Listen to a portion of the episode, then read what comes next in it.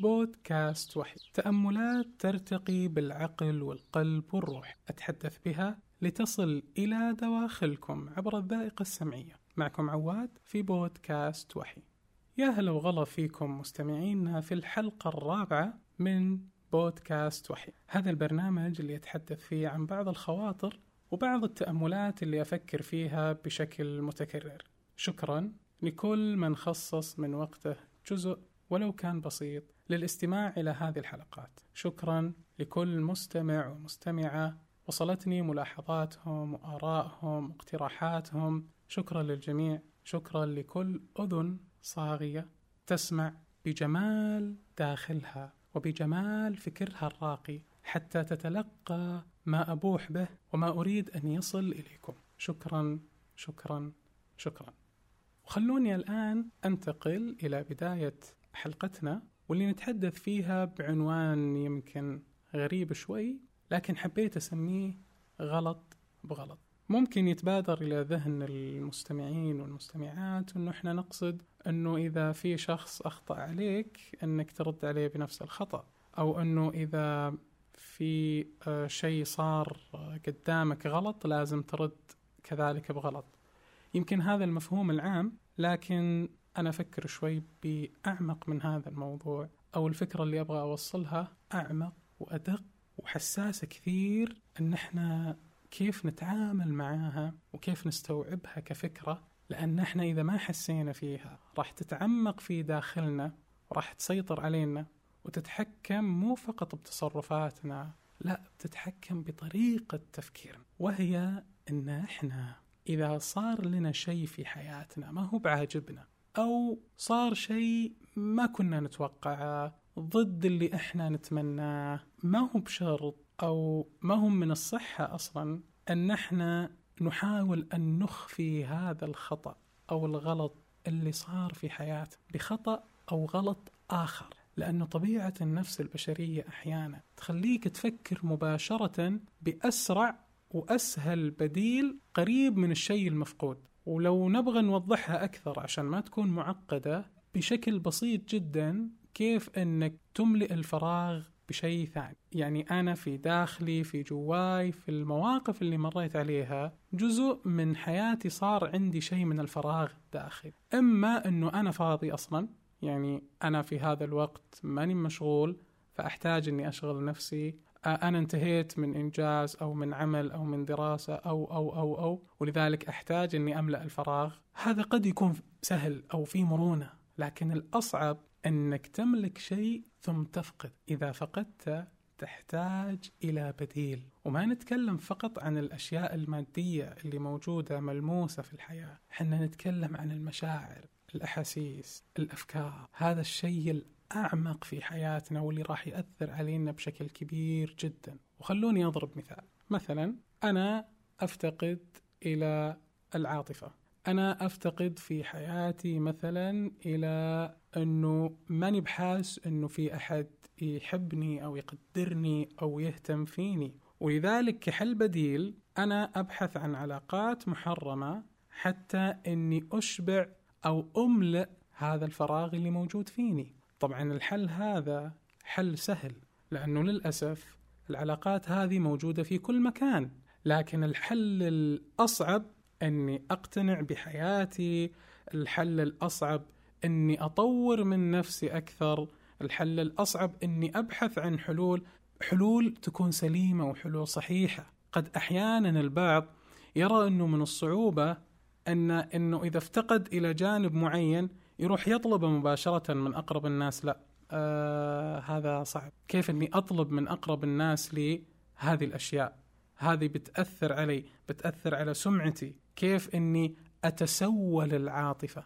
أنت ما تتسول العاطفة. لما تطلبها أنت ما تتسول العاطفة. لما تطلبها من الناس الصحيحة هذا ما هو بتسول. لكن لما تروح في الخفاء وتطلبها من ناس أنت ما تعرفهم أو تبني وياهم علاقة محرمة هذا هو التسول. أنت يخيل لك إنه هذا الطريق الصحيح وإنه هذا ما هو بتسول. ترى كمية الخطأ اللي تتخيلها في إنك تطلب من أقرب الناس لك إنهم يعطونك مشاعر وتقول لا كيف كيف بيكون موقفي عندهم لكنك تروح لناس غريبة تبني وياها علاقات محرمة وتبرر لنفسك إنه هذا الشيء صحيح. ابدا ما هو صحيح. أنت جالس تخفي عواقب الأشياء اللي قاعد تسويها لأنه الموضوع إذا كان قناعة وكان أسلوب حياة راح يستمر. خلونا أيضا نضرب مثال. لما يكون عندك صديق مقرب وفي يوم من الأيام تتزاعلون أو تنتهي علاقتك تشعر بفراغ ليش؟ لأنه كان عندك صديق مقرب معك على طول. فأول خيار يطرأ على بالك إيش؟ أنه لابد يكون في صديق مقرب مكانه. فإذا كان تفكيرك صحيح وسليم ستبحث عن الخيارات الأنسب. ستبحث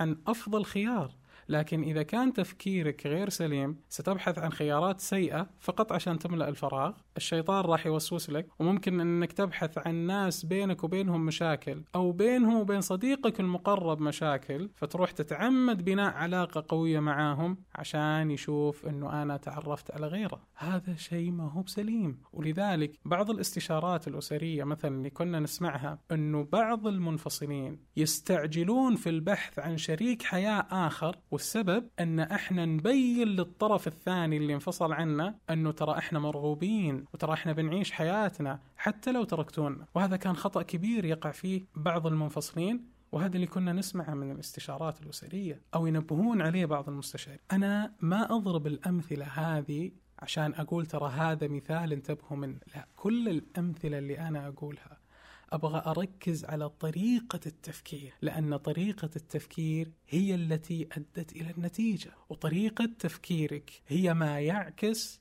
أعمالك وواقعك في الحياة. فإذا كانت طريقة تفكيرك سليمة ستنعكس نتائج أعمالك بشكل واضح وجميل على حياتك وعلى واقعك. لكن إذا كانت طريقة التفكير ما هي بسليمة راح تكتشف في المستقبل أنه كل النتائج والأعمال جات ضدك. وروحوا اسألوا أو ابحثوا أو اسمعوا قصص الناس اللي كانت عندهم علاقات محرمة. وإلى وين وصلت؟ وإلى الابتزاز. و و و و و. كان ترى الموضوع في البداية طريقة تفكير وبعضهم يقول أنا بجرب. هذا شيء واحد. ثم ينجرف إلى أشياء ثانية. مثال آه، الدخان. كان في البداية مجرد تجربة ثم استمر. وبعضهم استمر إلى أعلى من ذلك. في أشياء أخبث وأكثر لكن اللي يفكر بالطريقة السليمة والصحيحة راح يتخذ القرار الأصوب والأمثل في حياته. وأحيانا تشعر بصعوبة صعوبة شديدة في أنك تترك هذا الشيء أو أنك تغيره. زي اللي يترك الدخان.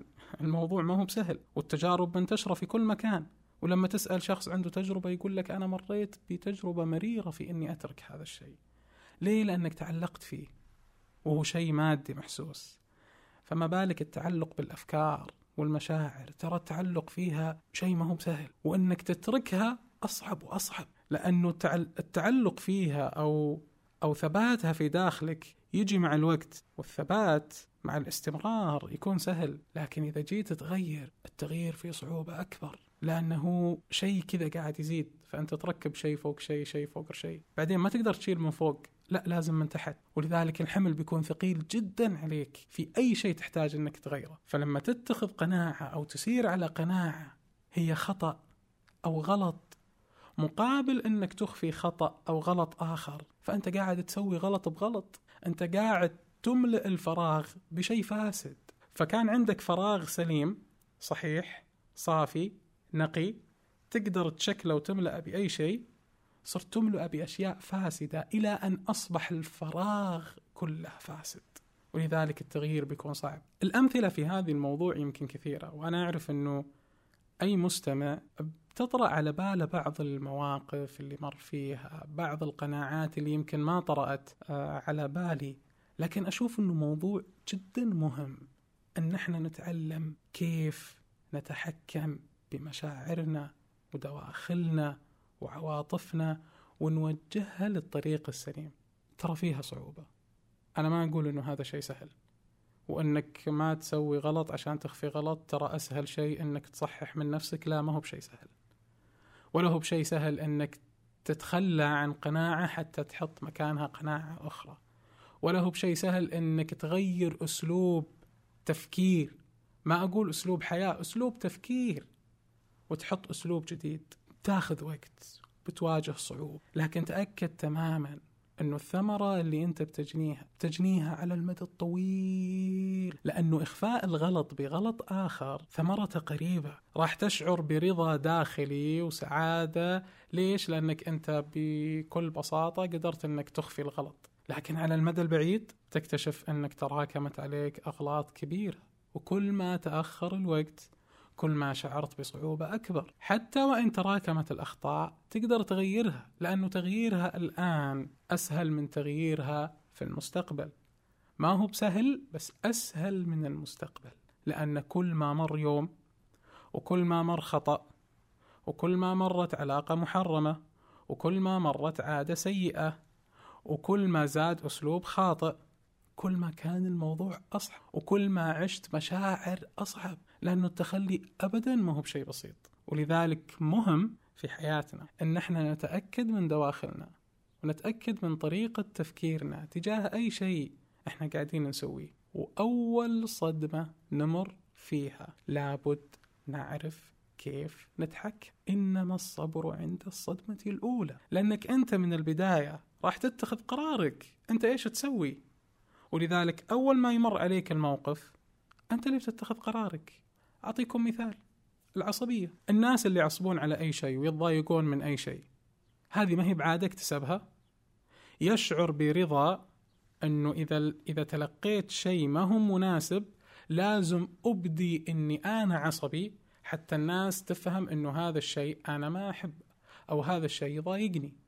ولذلك يشعر برضا داخلي وأنه ملأ إحساس عنده بالتصرف هذا ويستمر عليه مدى الحياة. ولما تجي تقول له ليش؟ يعني مثلا اللي يتابعون الكورة. لما تجي مثلا تتناقش وياه بعد فترة معينة إنه هل يستحق الموضوع العصبية اللي صارت والكلام والألفاظ و و والعداوات اللي خلقتها لنفسك عشان فريق كرة قدم سيكتشف بعد فترة من الزمن إنه يقول لا أنا ضيعت نفسي. أنا بنيت عداوات وأنا اكتسبت مثلا سيئات من كلام قبيح وأنا ضايقت نفسي أيام وأنا خليت الناس تعرف متى أعصب ومتى أتنرفز و... على على إني أشجع فريق كرة. عش حياتك بشكل طبيعي شجع لكن لا تكن عصبي. بس. هذه يعني يمكن هذا هذا مثال بسيط. وشوفوا كيف هذه العادات أو السلوكيات قاعدة تأثر في حياتنا بشكل كبير جدا. وتتحكم. وفي ناس اللي ما يداوم واللي يعتذر من دوامه واللي يسجلونه غياب واللي ما يروح آه، مقر دراسته واللي ليش؟ عشان والله فريق انهزم. ليش؟ عشان الناس تعرف مشاعري تجاه هذا الموضوع وراح يضايقوني. ولذلك المفترض إن إحنا نكون قادرين على إن إحنا نتحكم من البداية. وإذا ما استطعنا من البداية فإحنا بشر نخطئ ونصيب. لكن متى ما اكتشفنا إن إحنا نحتاج إلى تغيير نتغير. حتى وإن امتلأ محيط قلوبنا بزبد فاسد يظل إن إحنا عندنا فرصة في كل يوم نعيشه إن إحنا نحسن من أنفسنا ونطور من أنفسنا ونحاول إن إحنا نتعلم أكثر ونحاول إن إحنا نستفيد من تجاربنا أكثر. ترى الإنسان اللي يملك تجارب عنده قدرة على العيش في المستقبل بطريقة أفضل من الإنسان اللي ما عنده تجارب. اللي عنده تجربة وهو صغير أفضل من اللي عنده تجربة وهو كبير. اللي عنده تجربة قديمة جدا أفضل من اللي بيجرب تجربة في المستقبل. لما تشعر أنك أنت كنت مخطئ وأنت في عمر الشباب أفضل من أنك أفضل من أنك تشعر أنك مخطئ وأنت في عمر الشيوخ وأنت في عمر الكبار. هنا التغيير بيكون أصعب. هنا أنت بتشعر أنه حياتك كلها راحت سدى.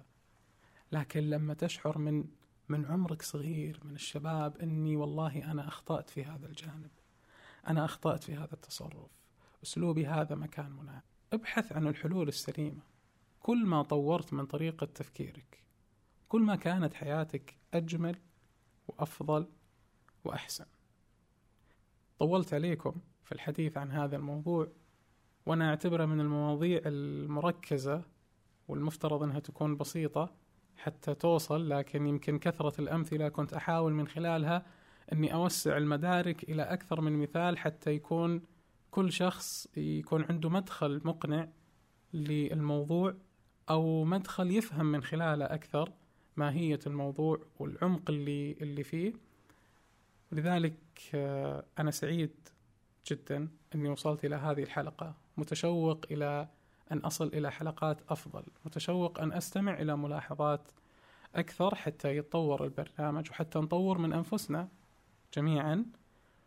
وفي الختام شكرا لوصولك إلى هذه اللحظة. وأتمنى لك أجمل من أمنياتك لنفسك. من بودكاست وحي وعبر الأثير أصافحك. ليكون يومك أسعد. في أمان الله.